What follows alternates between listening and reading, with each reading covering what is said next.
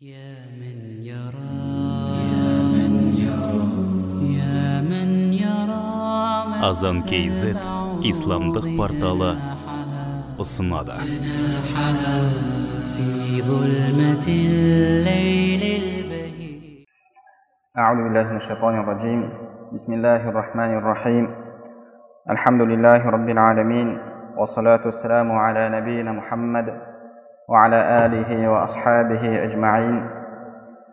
رب اشرح لي صدري ويسر لي أمري واحلل عقدة من لساني يفقه قولي. اللهم علمنا ما ينفعنا وانفعنا بما علمتنا وزدنا علما وعملا وتقا وإخلاصا يا رب العالمين. أما بعد السلام عليكم ورحمة الله وبركاته. إن شاء الله الله سبحانه وتعالى قال ومن тәзкиятун нуфус нәпсін тәрбиелеу тақырыбындағы дәрістерімізді әрі қарай жалғастырамыз біз сіздермен тіл апаттарын үйреніп жатырмыз және соңғы дәрісімізде тіл апаттарынан болған ғайбат тақырыбын қарастырған болатынбыз және дәрістің соңында баяну ғайбатты қалай ғайбаттан қалай арыламыз және ғайбаттың каффараты қалай болады? Біреу ғайбаттан тәубе етсе ол қалай? Күнәдан арылуы қажет. Сол мәселеге тоқталған болатынбыз. Және соған қатысты бір екі мәселе айтылды. Өткенде дәрістен кейін соған қатысты сұрақ болды. Ол егер бір адам сізді ғайбаттаған болса кейін келіп кешірім сұраса оны кешіру міндет міндет пе міндет емес пе деген мәселе осыған қатысты бір екі ғалымдардың сөзін келтірген едік сол мәселеге қатысты сәл түсінбеушілік болыпты соны қысқаша түсіндіріп кетсек сізді ғайбаттаған адамды кешіру бұл оған бір жақсылық жасау болып табылады бірақ бұл міндет емес ғұламаларымыз бұны уәжіп емес бұл мұстахаб деп айтады уәжіп емес және осыған қатысты саид ибн мусайиб рахимахуллахтың сөзі келеді кім маған зұлымдық жасаса мен ақымды кешірмеймін деген сөзі келеді және сол секілді имам мұхаммад ибн сириннен келетін сөз бар إني لمحرمها عليه فأحللها له إن الله حرم الغيبة عليه وما كنت لأحلل ما حرم الله أبدا мен ғайбатты харам еткен жоқпын оны адал ететіндей. Яғни оны адал ету арам ету бұл менің қолымдағы нәрсе емес. Алла тағала ғайбаттаушыға ғайбатты харам етті. Ал алла тағала харам еткен нәрсені мен адал халал ете алмаймын дейді енді бұл жалпы сол ғұламалардың көзқарасы бұл тахлил мәселесіне қатысты. Жалпы пайғамбарымыз саллаллаху алейхи вассаламнан келетін сөз бар. Адалдасын деген. Яғни бауырына бір зұлымдық жасап қойған болса сол зұлымдығын адалдасын деген сөз. Жалпы адалдасын деген негізі ол істі істің үкімін адал етіп алу деген мағынада емес. Бұл жерде яғни біреудің ақысын жедіңіз ақысын жеу тек қана бір дүниесін жеу емес біреуге ғайбат айтсаңыз біреудің артынан ғайбат айтсаңыз өсектесеңіз бұл да оның ақысын жеу болып табылады. Барып сол ақысын адал ету ақысын адал ету. Яғни бұл жерде оның үкімін адал ету мағынасында емес. Пайғамбарымыз саллаллаху алейхи уассалам біз өткен жолы оқып берген хадисте айтады.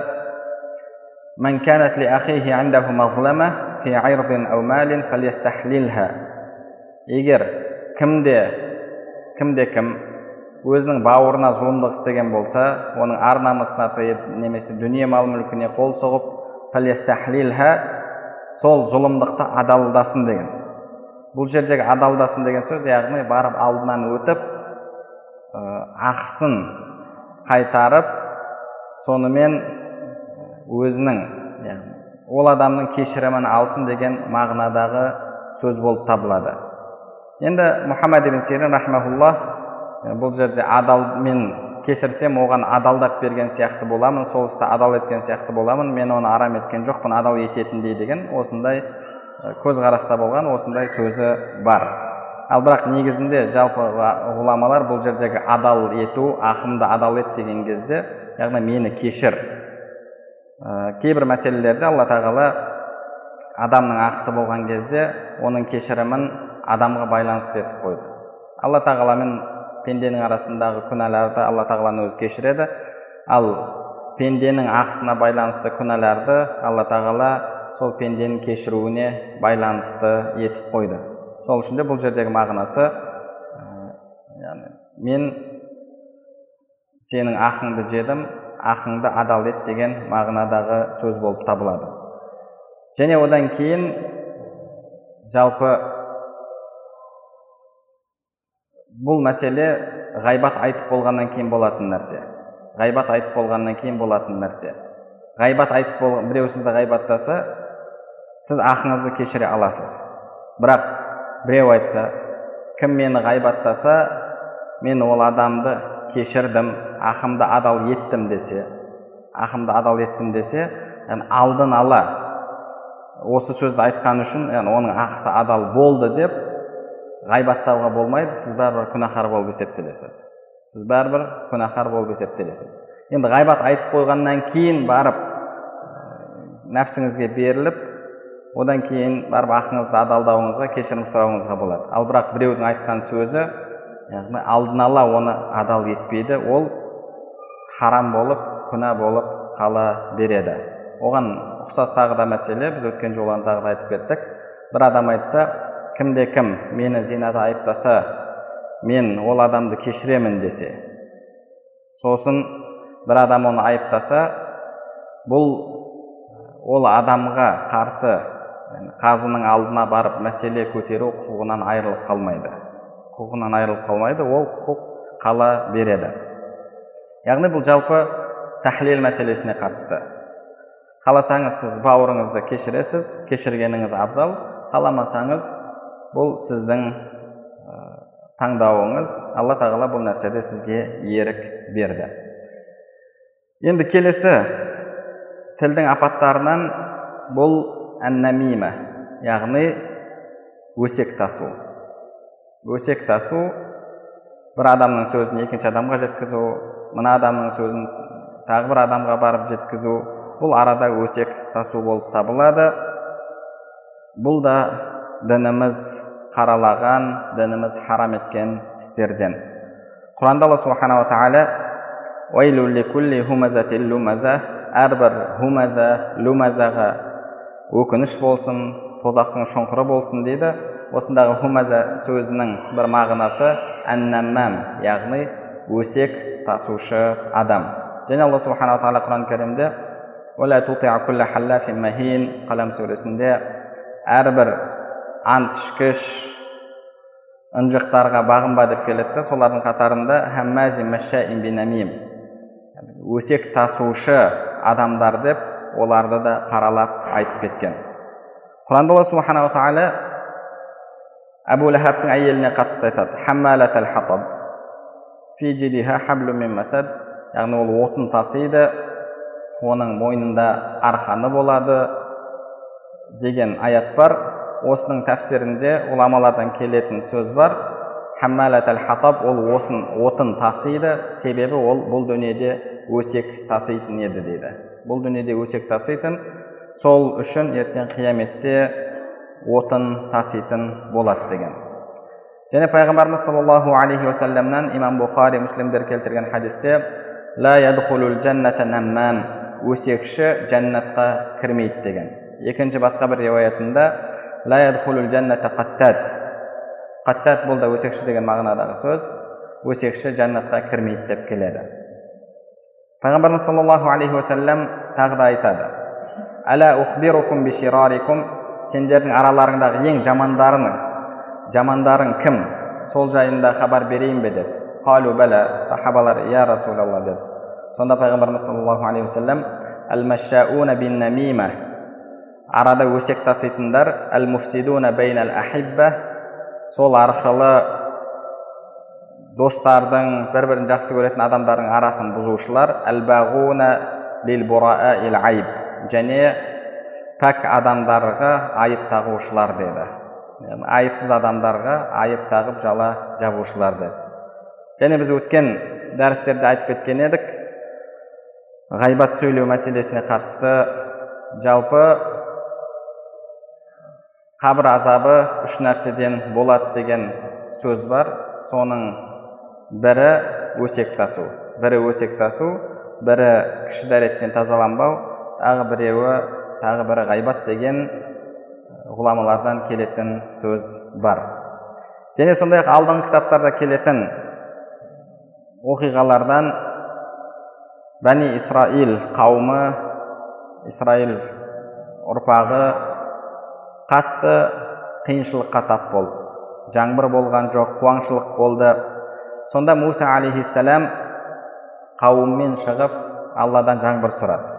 Истисқа жасады. Сонда алла субханала тағала муса алейхисаламға уахи етіп сендердің араларыңда нәммәм яғни өсек тасушы адам бар. Сол себепті мен сендердің дұғаларыңды қабыл етпеймін деп уахи етті. Муса алейхисалам ей раббым маған сол адамды көрсет мен оны арамыздан шығарып жіберейін ұзақтатайын деген кезде алла субханала тағала муса алейхисаламға уахи етіп сендерді өсек айтудан өсек тасудан қайтарып енді өзім өсекші болайын ба деп алла тағала уахи етті дейді. Сол жерде сол өсек тасып жүрген адамда тәубеге келіп сонымен алла субханала тағала сол жерде оларға жаңбыр берді. Және сондай ақ алдыңғы кітаптарда жалпы даналық кітаптарында келетін сөздерден имам абу хамид ғазали рахмаулла келтіреді. Бір ізгі салих кісіге мынандай сұрақ қойылған. Аспаннан ауыр не бар жерден кең не бар және тастан қатты не бар оттан ыстық не бар және замхарир замхарир жәннатта кешіресіздер тозақта болатын азаптың бірі замхарир деген өте сондай қатты суық одан суығырақ не бар және теңіз теңіздің іші түрлі байлыққа толы содан байырақ болған не бар? Енді жалпы қоғамда жетім адам жетім бала өте әлсіз болып есептеледі. Және қоғамда төмен деңгейде көбінше құқығы қорғалмайды. Содан да көбірек қор болатын кім деген сұрақ қойылған кезде әлгі ізгі кісі жауап берген дейді.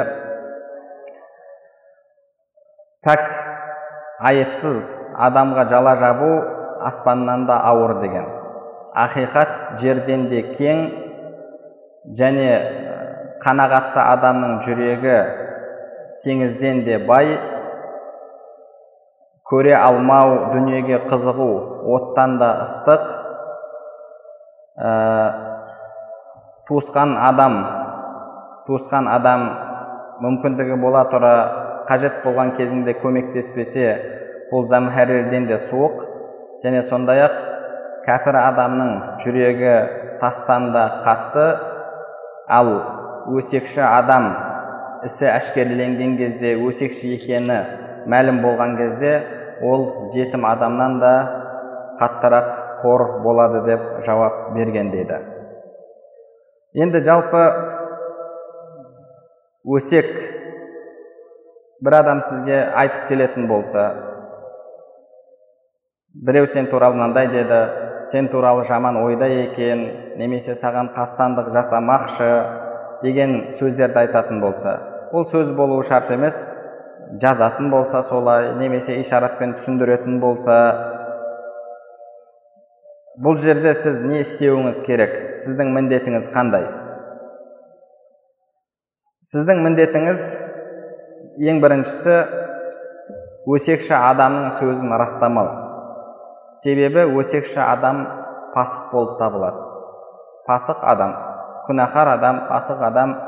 Ал пасықтың куәлігі яғни оның сөзі қабыл етілмейді. Алла субханала тағала құран кәрімде сендерге бір пасық бір хабарды жеткізетін болса оның анық қанығына жетіңдер деді. Яғни оны растауға болмайды. А солай ма мен ол туралы жақсы ойлап жүрсем оны нормально жігіт деп ойлап жүрсем ол ондай емес екен. Мен қателесіппін деп бірден сізге өсек айтып келген біреудің әңгімесін жеткізіп келген адамды растап үкім шығаруға және соны және соның сөзіне еріп бауырыңызға қатысты пікіріңіздің көзқарасыңыздың өзгеруіне болмайды. Бұл дінімізде қайтарылған тірлік. Және екінші міндетіңіз бұл өсекшіні өсектен тыю. Өсек айтып жатса сізге келіп не үшін сен бұны айтып жатсың? Өсек айту харам емес пе? Неге маған біреудің сөзін тасып мұсылман бауырыма деген көзқарасым, көзқарасымды өзгертпекшісің? Неге оған деген махаббатымды өшірмекшісің? Бұл ісің дұрыс емес өсегіңді тоқтат деп оған тоқтау айту керек. Құранда алла субханала тағала жақсылыққа бұйырып жамандықтан қайтар деді жақсылыққа бұйырып жамандықтан қайтару біздің міндетіміз болып табылады енді сізге келіп өсек айтып жатқан адам біреудің сөзін тасып жатқан адам жамандық жасап жатыр дінімізде қайтарылған істі істеп жатыр ондай болатын болса сіз оны тыңдап отырмастан керісінше оның сөзін кесіп сол жерде оны тоқтатуыңыз қажет болып табылады және үшінші істейтін тірлігіңіз бұл оның ісін алла үшін жек көру. Себебі ол сол ісімен алланың алдында жек көрінішті болып жатыр. Ал алланың алдында жек көрінішті болған нәрсені бізде жек көруіміз керек болып табылады. Ол сіздің міндетіңіз. Яғни оған қуанып ол мынау досым екен маған жақсылық ойлайды екен адамдардың маған сөзін жеткізіп жатыр сол үшін деп керісінше оған қуану емес ашулану сіздің міндетіңіз болып табылады. Және одан кейін төртінші міндетіңіз бұл сол мұсылман бауырыңыз жайында сізге біреу туралы айтқан кезде жаман ойға бармау. Ол туралы жаман пікір қалыптастырмау. Алла субханала тағала құран кәрімде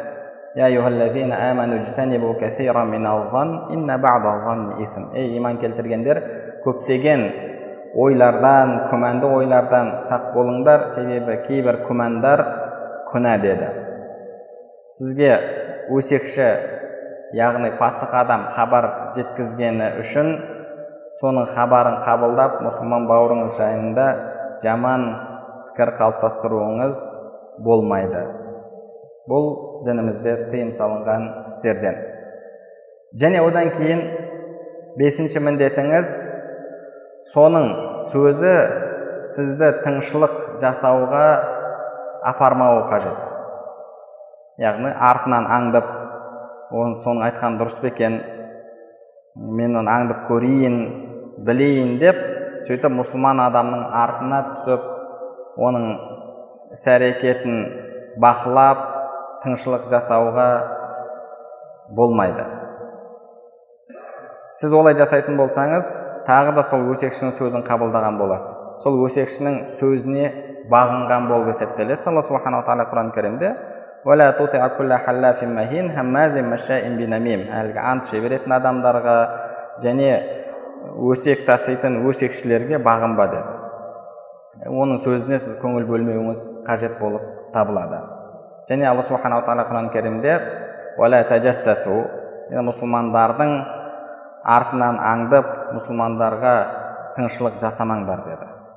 Тыңшылық жасамаңдар бір шпионға ұқсап ұрыға ұқсап біреудің артына түсуге болмайды. Және одан кейін алтыншы міндетіңіз сол өсекшінің ісін қайталамауыңыз қажет. Ол сізге келіп бір нәрсе айтты. Сіз кейін екінші бір адамға пәленше мен туралы мынандай депті. Оны маған мынандай адам жеткізді деп. Ол адамның өсегін екінші адамға жеткізу. Сіз де өсек айтып тұрсыз. Біреудің ісін екінші біреуге ашып беріп жатсыз. Бұл да өсек болып табылады. Яғни естідіңіз бе? Естіген кезде оған құлақ аспауыңыз керек. Сол үшін ойыңызды өзгертпеуіңіз қажет. Және сол істі сол жерде ұмытуыңыз қажет. Екінші біреуге барып айтатын болсаңыз бүгін пәленшені көрдім. Маған мынандай ә, хабар айтты пәленшелер мен жайында мынандай деп жатыр екен деп айту бұл да өсек болып табылады. Ондай болатын болса сіз өзіңіз қайтарған істі өзіңіз жасап жатқан боласыз. Ана бағана екінші міндетті айтып кеттік қой өсекшіні тоқтату керек деп. Енді оны тоқтатып алсаңыз да кейін оның сөзін сіз басқа біреуге жеткізетін болсаңыз онда қайтарған істі өзіңіз жасап жатқан боласыз омар ибн абдулазиз рахмауллахтан риуаят етіледі бір күні ол кісіге бір адам кіріп келіп былай деді пәленшілер мынандай деп жатыр сен жайында мынандай сөз айтып жатыр деген кезде омар ибн абдулазиз рахмаулла айтты егер қаласаң сенің мәселеңді қарайық егер сен жалғаншылардан болатын болсаң онда сен жайында алла тағала егер пасық сендерге бір хабар жеткізсе оның анық қанығына жетіңдер деді ал егер сенің мәселеңді қарап тексеріп көргеннен кейін сен шыншылдардан болатын болсаң шын айтып тұрған болсаң онда сен әлгі аятта келген адамдардың арасында өсек тасушы адам боласың деді егер қаласаң біз сені естімеген болайық та сені кешірейік деді сонда әлгі кісі мені кешіріңіз иә әмир әл муминин мұсылмандардың басшысы енді мен бұл істі қайтып қайталамаймын деді. Және сондай ақ алдыңғы ізгі кісілердің біріне бір танысы келіп пәленшелер сен жайында мынандай деп жатыр деген кезде ол кісі оған айтқан екен. Біріншіден сен мұсылман бауырыңның ақысын бермей жатсың яғни осы келіп мені зиярат етуің өте кеш болды. Бұл біріншіден. Екіншіден келген кезіңде маған өзімнің мұсылман бауырымды жек көрінішті етіп жатсың. Және одан кейін менің тыныш жатқан жүрегімді мазалап жатсың деді жүрегімді мазалап жатсың. Шынында да бір адам сен жайында мынандай депті деп сізге өсек жеткен кезде алдын ойыңыз пікіріңіз тыныш болатын болса кейін сол нәрсемен әуре болып қалады. Ол неге олай деді неге мынандай айтады ол жерде мынандай адамдар бар емес пе деп сіздің пікіріңіз сол нәрсемен әуре болып қалады. Менің әлгі бош тыныш тұрған жүрегімді әуре еттің.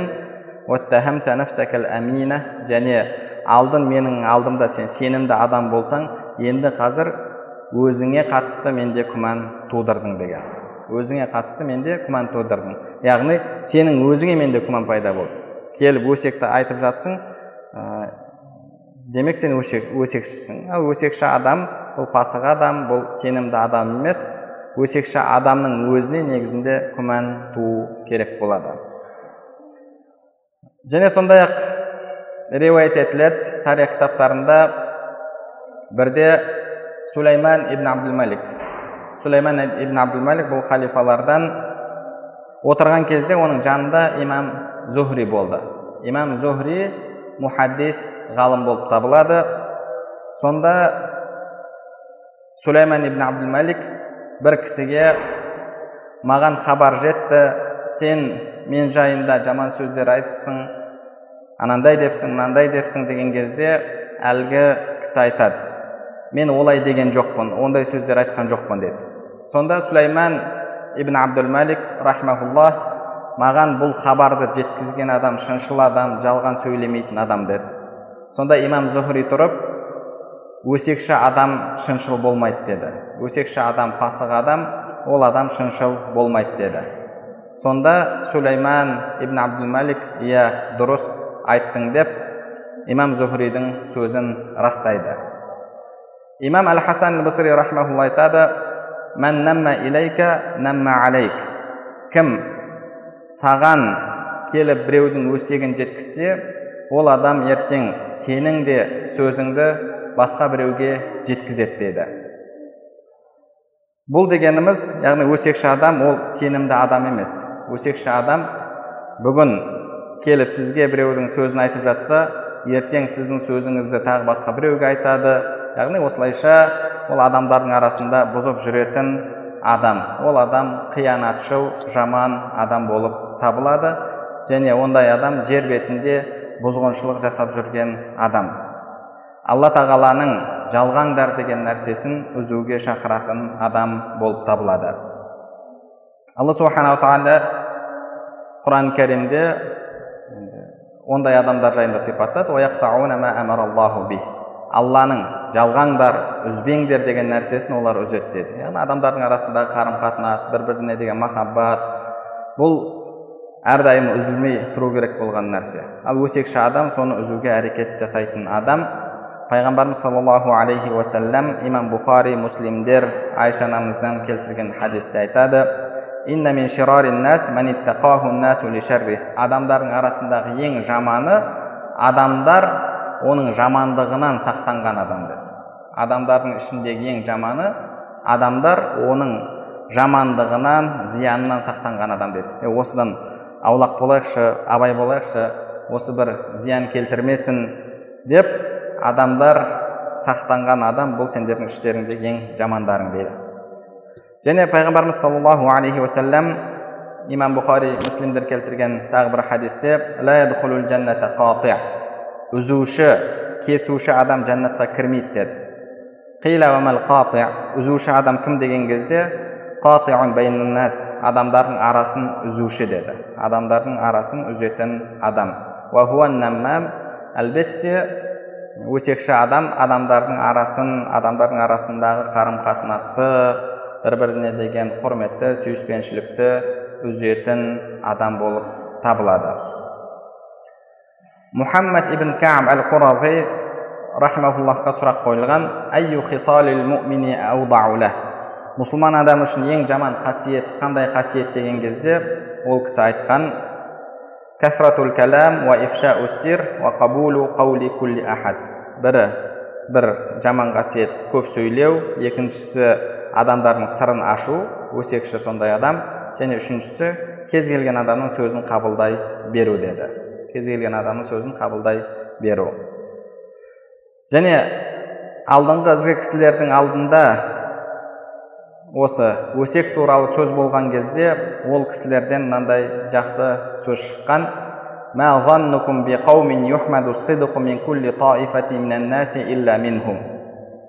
Сендер барлық адамдардан шындық мақталады тек қана солардан ғана шындық жек көрінішті болады. Осындай адамдар жайында не дейсіңдер деді. Яғни басқа жерде мысалы адам шыншыл болатын болса ол адам жақсы. Пайғамбарымыз саллаллаху алейхи вассалам шыншыл адам ертең қияметте шәһидтермен болатындығын айтты. Құранда алла субханала тағала аятта да ол жайында айтады. Адам шыншыл болса алланың алдында шыншылдардың қатарында жазылады деді. Енді шыншылдық жалпы ассидық бұл дінімізде өте жақсы нәрсе. Бірақ шыншылдық жаман жек көрінішті болған нәрсе болған жағдай бұл егер шыншылдық өсекшіден болатын болса. Ол өтірік, айт, өтірік айту шарт емес яғни шын болған нәрсені барды екінші біреуге жеткізді. Арасын бұзып жатыр. Бұның шыншылдығы бұл жек көрілген жаман шыншылдық болып табылады. Яғни шыншылдық кез келген адамнан жақсы тек қана өсекшіден шыншылдық жек көрінішті амал болып табылады. Бірде бір кісі сулейман ибн абдулмалик рахмауллахтың алдына кіреді. Әлгі қазір біз айтқан халифаның алдына кіріп сөз сөйлеуге рұқсат сұрайды. Сөйтіп сөзінің басында айтады. Ей амирул мүминин мен саған насихат етуші адаммын. Қазір мен саған сондай сөздер айтамын. Бұл сөзді көтер. Сөзді көтер. Егер бұл сөзді жек көрсең жек көрсең де бәрібір қабылда себебі қабылдасаң бұның артында саған пайда саған жақсылық бар деді. Және одан кейін айтты. Ей әмирул мүминин сені сондай адамдар қазір қоршап алды олар сенің дүниең деп ақиреттерін сатқан адамдар.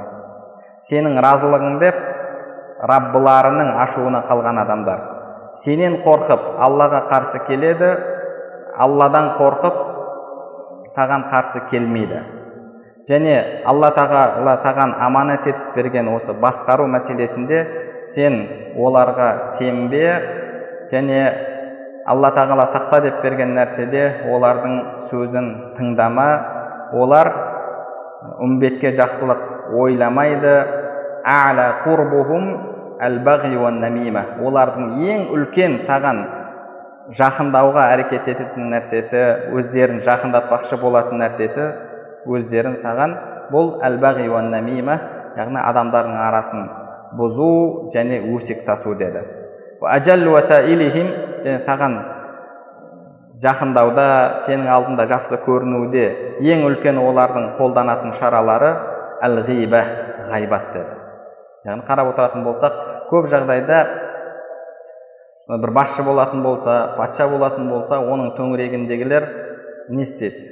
Өзін жақындату үшін екінші бір адамды жамандайды тарихты қарап отыратын болсақ сондай кейде көп адамдар сөздің құрбаны болып кетіп жатады. Келіп құлағына сыбырлайды жамандайды анау өйтпекші саған бүйтпекші деп кейде жала жабады ғайбаттайды. Сөйтеді біреудің зынданға түсуіне күйіп кетуіне тағы басқаға себеп болып жатады. Және ары қарай айтты. Сен олардың күнәлары үшін жауап бересің олар сенің істерің үшін жауап бермейді. Сол үшін олардың дүниесі деп ақиретіңді құртпа. Адамдардың арасындағы ең бақытсызы бұл басқа біреудің дүниесі үшін өзінің ақиретін құртқан адам деді. Өзінің дүниесі үшін емес басқа біреудің дүниесі үшін. Енді ол сіз ә, патшадан нені қалайды? Дүние қалайды алдында атақ абыройлы болуды қалайды. Сол үшін келіп өтірік айтып жатыр ғайбаттап жатыр. Оның сөзіне сеніп ертең үкім қабылдайтын болса шешім қабылдайтын болса әлбетте сол шешімі зұлымдыққа негізделген болатын болса алланың алдына барғанда жауабы үлкен болады. Жауабы үлкен болады. Бірде бір кісі амр ибн убайд рахмауллахқа келіп пәленші деген адам өлеңдерінде тағы басқасында сені жамандап жатыр деген кезде амр ибн убайд айтқан ей пәленші сен ол бауырыңмен бірге отырдың бір мәжілісте болдың мәжілістің ақысы бар сен оны онымен бірге мәжілісте болудың ақысын өтеген жоқсың себебі оның сөзін бізге жеткізіп жатсың деді негізінде бұл мәжіліс деген нәрсе оның өзі аманат болып табылады. Біреудің сөзін ұнатпауы мүмкін жек көруі мүмкін сөзін алып келіп екінші біреуге тастайтын болсаңыз мына жерде отырып ол сөзді үшінші жерге жеткізетін болсаңыз сіз ол мәжілістің ақысын бермеген боласыз. Әлбетте ол жерде отырып сіз тыйым салуыңыз керек тоқтау айтуыңыз қажет. Бірақ сол жерде айтылған сөзді екінші жерге тасып үшінші жерге тасып жүру бұл өсек тасу болып табылады. Әлбетте егер мәселе мәселе ол жерде бір мұсылмандарға зиян келтіретін мәселе болса ол жерде бір сондай жаман бір іс әрекеттерге кеңес болса қалай істейміз былай істейміз бір жамандық жасамақшы болса ә, немесе бір қылмысқа сол жерде дайындық шаралары кетіп жатса оны жеткізу міндетіңіз. Оны тиісті орындарға жеткізуіңіз қажет. Пәленші түгеншілерде мысалы әлгі хауариздік тәкфирлік көзқарас бар екен мынандай жерді мекемені барып жармақшы отырып алып біз жарайық басқа қылайық деп жатса бұл мәжіліс аманат екен оны айтпауым керек деп үндемей кете салу бұл әлбетте ақымақтық болып табылады яғни ал енді ондай мәселе болмаса пәленші мынандай екен түгенші мынандай екен деп жатса сіз сол жерде отырып қойыңдар бауырлар бұл отырысымызды мындай өсек айту біреулердің етін жеу отырысын айналдырмайық деп біріншіден жақсылыққа бұйырып жамандықтан қайтаруыңыз керек екінші міндетіңіз сол сөзді басқа жерге тасымау. Енді мынау әлгі ақынның жанында отырды да оның сөзін естіп келіп амр ибн убайдқа айтып жатыр амр ибн убайд сен оның ақысын бермедің деді. Оның сөзін бізге жеткізіп жатсың. Және одан кейін менің де ақымды беріп жатқан жоқсың. Себебі маған бауырымды жек көрдіріп жатсың сен. Бірақ сен оған айт бір нәрсені барлығымызды ертең өлім періштесі келіп алып кетеді жанымызды алады. Және қабір барлығымызды құшағына алады. Ал ертең қиямет бәрімізді жинайды. Аллаху тағала яхкуму бәйнана ал ертең алланың алдына барған кезде қияметте жиналған кезде алла арамызда үкім жүргізеді. Және алла үкім жүргізушілердің үкім етушілердің ең хайырлысы ең әділі деді яғни жалпы бұл ғайбат айтатын адам өте қауіпті адам болып табылады ондай адамнан сақ болу қажет келесі тілдің апаты бұл кәләму яғни екі тілді адам болу екі тілді адам болу бұл дегеніміз не бұл дегеніміз екі араздасып қалған адамның арасында жүріп әрқайсысына соның ісін дұрыстап беретін соның жанын алып соның ісін дұрыстап сөйлейтін адам. Мысалы екі адам араздасып қалған. Анаған барады да негізі оныкі қате сенің мысалы сен абыройың бар адамсың сен жай адам емессің саған солай дегені дұрыс болған жоқ оның деп оның араздасуын дұрыстап бересіз. Ақтап бересіз. Негізінде анау кінәлі деп. Екінші адамға келесіз де оның істегені дұрыс емес негізі. Ол қате істеді. Негізі сенікі дұрыс деп осылайша яғни екі жақта жүріп екі түрлі сөйлеу. Аммар ибн ясир радиаллаху анху айтады пайғамбарымыз саллаллаху алейхи вассалам айтты дейді. Кімде? Бұл дүниеде екі жүз болатын болса. Яғни мына жаққа келіп былай сөйлейді екінші жаққа келіп екінші нәрсені басқа бір нәрсені айтады оның тозақта оттан екі тілі болады дейді хадисті имам бұхари әл адабул муфрат кітабында келтіреді және пайғамбарымыз саллаллаху алейхи уассалам айтады тағы да تجدون من شر عباد الله يوم القيامة ذا الوجهين الذي يأتي هؤلاء بحديث وهؤلاء بحديث имам бұхари және муслимдер келтіретін хадисте алланың пенделердің арасындағы ең жамандары қиямет күні. Ең жаман нашар халде болатын адамдар екі жүзді адамдар. Мыналарға келіп бір сөзді айтады екінші біреулерге келіп тағы бір сөз айтады дейді. Яғни адамдардың былайша айтқанда арасын жарастыру емес бұның ісі адамдардың арасын бұзу. Әрқайсысының қатесін оған дұрыс етіп көрсету қатесін дұрыс етіп көрсету. Иә сенікі дұрыс сенікі дұрыс деп. Егер қайсы біреуінікін дұрыс деп көретін болса онда оның қарсыласының алдында да айту керек. Негізі сенікі қате болды. Сен қателестің бұл жерде деп. Солай айту керек. Оның сөзі бір сөз болу керек. Ә, дұрыс деп білген адамның алдында да ана қателескен адамның алдында да екеуі болмаған жерде де сөзі бір болуы қажет. Ананы ұнататын адамдардың жайында соның жанын алып екінші мынаны ұнататын адамдардың жанында мынаның сөзін алу бұл әлбетте бағанағы екі тілмен сөйлеу болып табылады. Ибн омар радиаллаху анхумаға бір кісі былай деді. Біз басшыларымыздың алдына кіреміз бір сөзді айтамыз. Шыққан кезде басқаша сөз айтамыз деді. Сонда ибн омар радиаллаху анхума пайғамбарымыздың кезінде біз бұны мұнафиқтық деп есептейтін едік дейді бұны біз мұнафиқтық екі жүзділік деп есептейтін едік деді имам абу хамид ғазали рахмаулла осы жерде айтады басшының алдына кіру мәселесіне қатысты кімде кім басшының алдына кіруге мұқтаж болмаса деді және кірген күнде де әлгіндей бір басқаша сөз айтуға мұқтаж болмаса бірақ осы екеуіне мұқтаж болмай тұрып соның алдына кіріп басқаша сөз сөйлейтін болса сыртта сөйлейтін сөзінен басқаша бұл адам екі жүзді мұнафиқ адам дейді.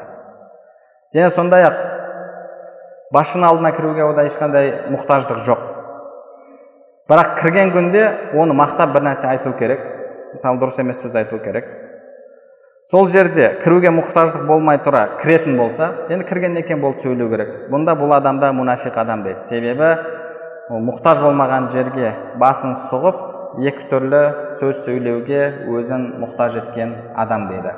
Ал енді басына сондай жағдай түскен басшысының алдына кіру керек. Кірген, кірген күнде бір зияны жет, жетпеу үшін жылы сөйлейтін болса жылы сөйлегенде де ол жерде өтірік сөз сөйлеместен жылы сөз айтатын болса енді бұл ә, дінімізде рұқсат болып табылады әбу дарда радиаллаху анхудан келетін сөз бар біз кейбір адамдардың жүзіне күлімдеп қараймыз бірақ жүректеріміз ол адамдарды лағнеттеп тұрады деді айша анамыздан келетін сөз бар пайғамбарымыз саллаллаху алейхи уассаламға бірде бір кісі кіруге рұқсат сұрады дейді сонда пайғамбарымыз саллаллаху алейхи уассалам яғни рұқсат беріңдерші бірақ қандай жаман адам деген мағынада сөз айтты әлгі кісі кірген кезде пайғамбарымыз саллаллаху онымен жылы сөйледі де жылы сөйлеп шығарып салды. Сонда айша анамыз я расулалла сен бұл адамды жаман адам дедің ғой деген кезде пайғамбарымыз саллаллаху айтты ей айша адамдардың ең жаманы оның жамандығынан адамдар сақтанған адам деді. Әлбетте бұл жерде яғни жылы сөйлеу ә, күлімсіреп қарау мәселесі. Ал енді оған мысалы пасық болса сен тақуасың деу залым болса сен әділдің әділсің деу бұның барлығы жалған болып табылады бұл адам мысалы ішінде басқаша, басқаша ойлап тұр ал сыртында басқаша айтып жатқан кезде әлгі екі тілді екі жүзді адам болып табылады сол үшін де жалған сөз харам сөзді қолдауға болмайды оны растауға болмайды қажет болса имам абу хамид ғазали айтады басын изеуге де болмайды деді мысалы бір адам жаман сөз өтірік сөз айтып жатыр бір залымды мақтап жатыр соны иә солай солай деп басын изеп отыратын болса бұның өзі екі жүзділік болып табылады дейді. Сол үшін де яғни адам егер ә, дұрыс сөйлеуге шамасы келмеді ме онда үндемеуі керек және жүрегімен ол нәрсені жек көруі қажет болып табылады. Және тағы да иншалла бір екі тілдің апаты бар. Екі тілдің апаты қалыпты. Алла нәсіп етсе оны келесі дәрісімізде үйренеміз. Алла субханала тағала бәрімізге пайдалы білім нәсіп етсін. Білімдерімізге амал етуімізді және амалдарымыздың қабыл болуын нәсіп етсін.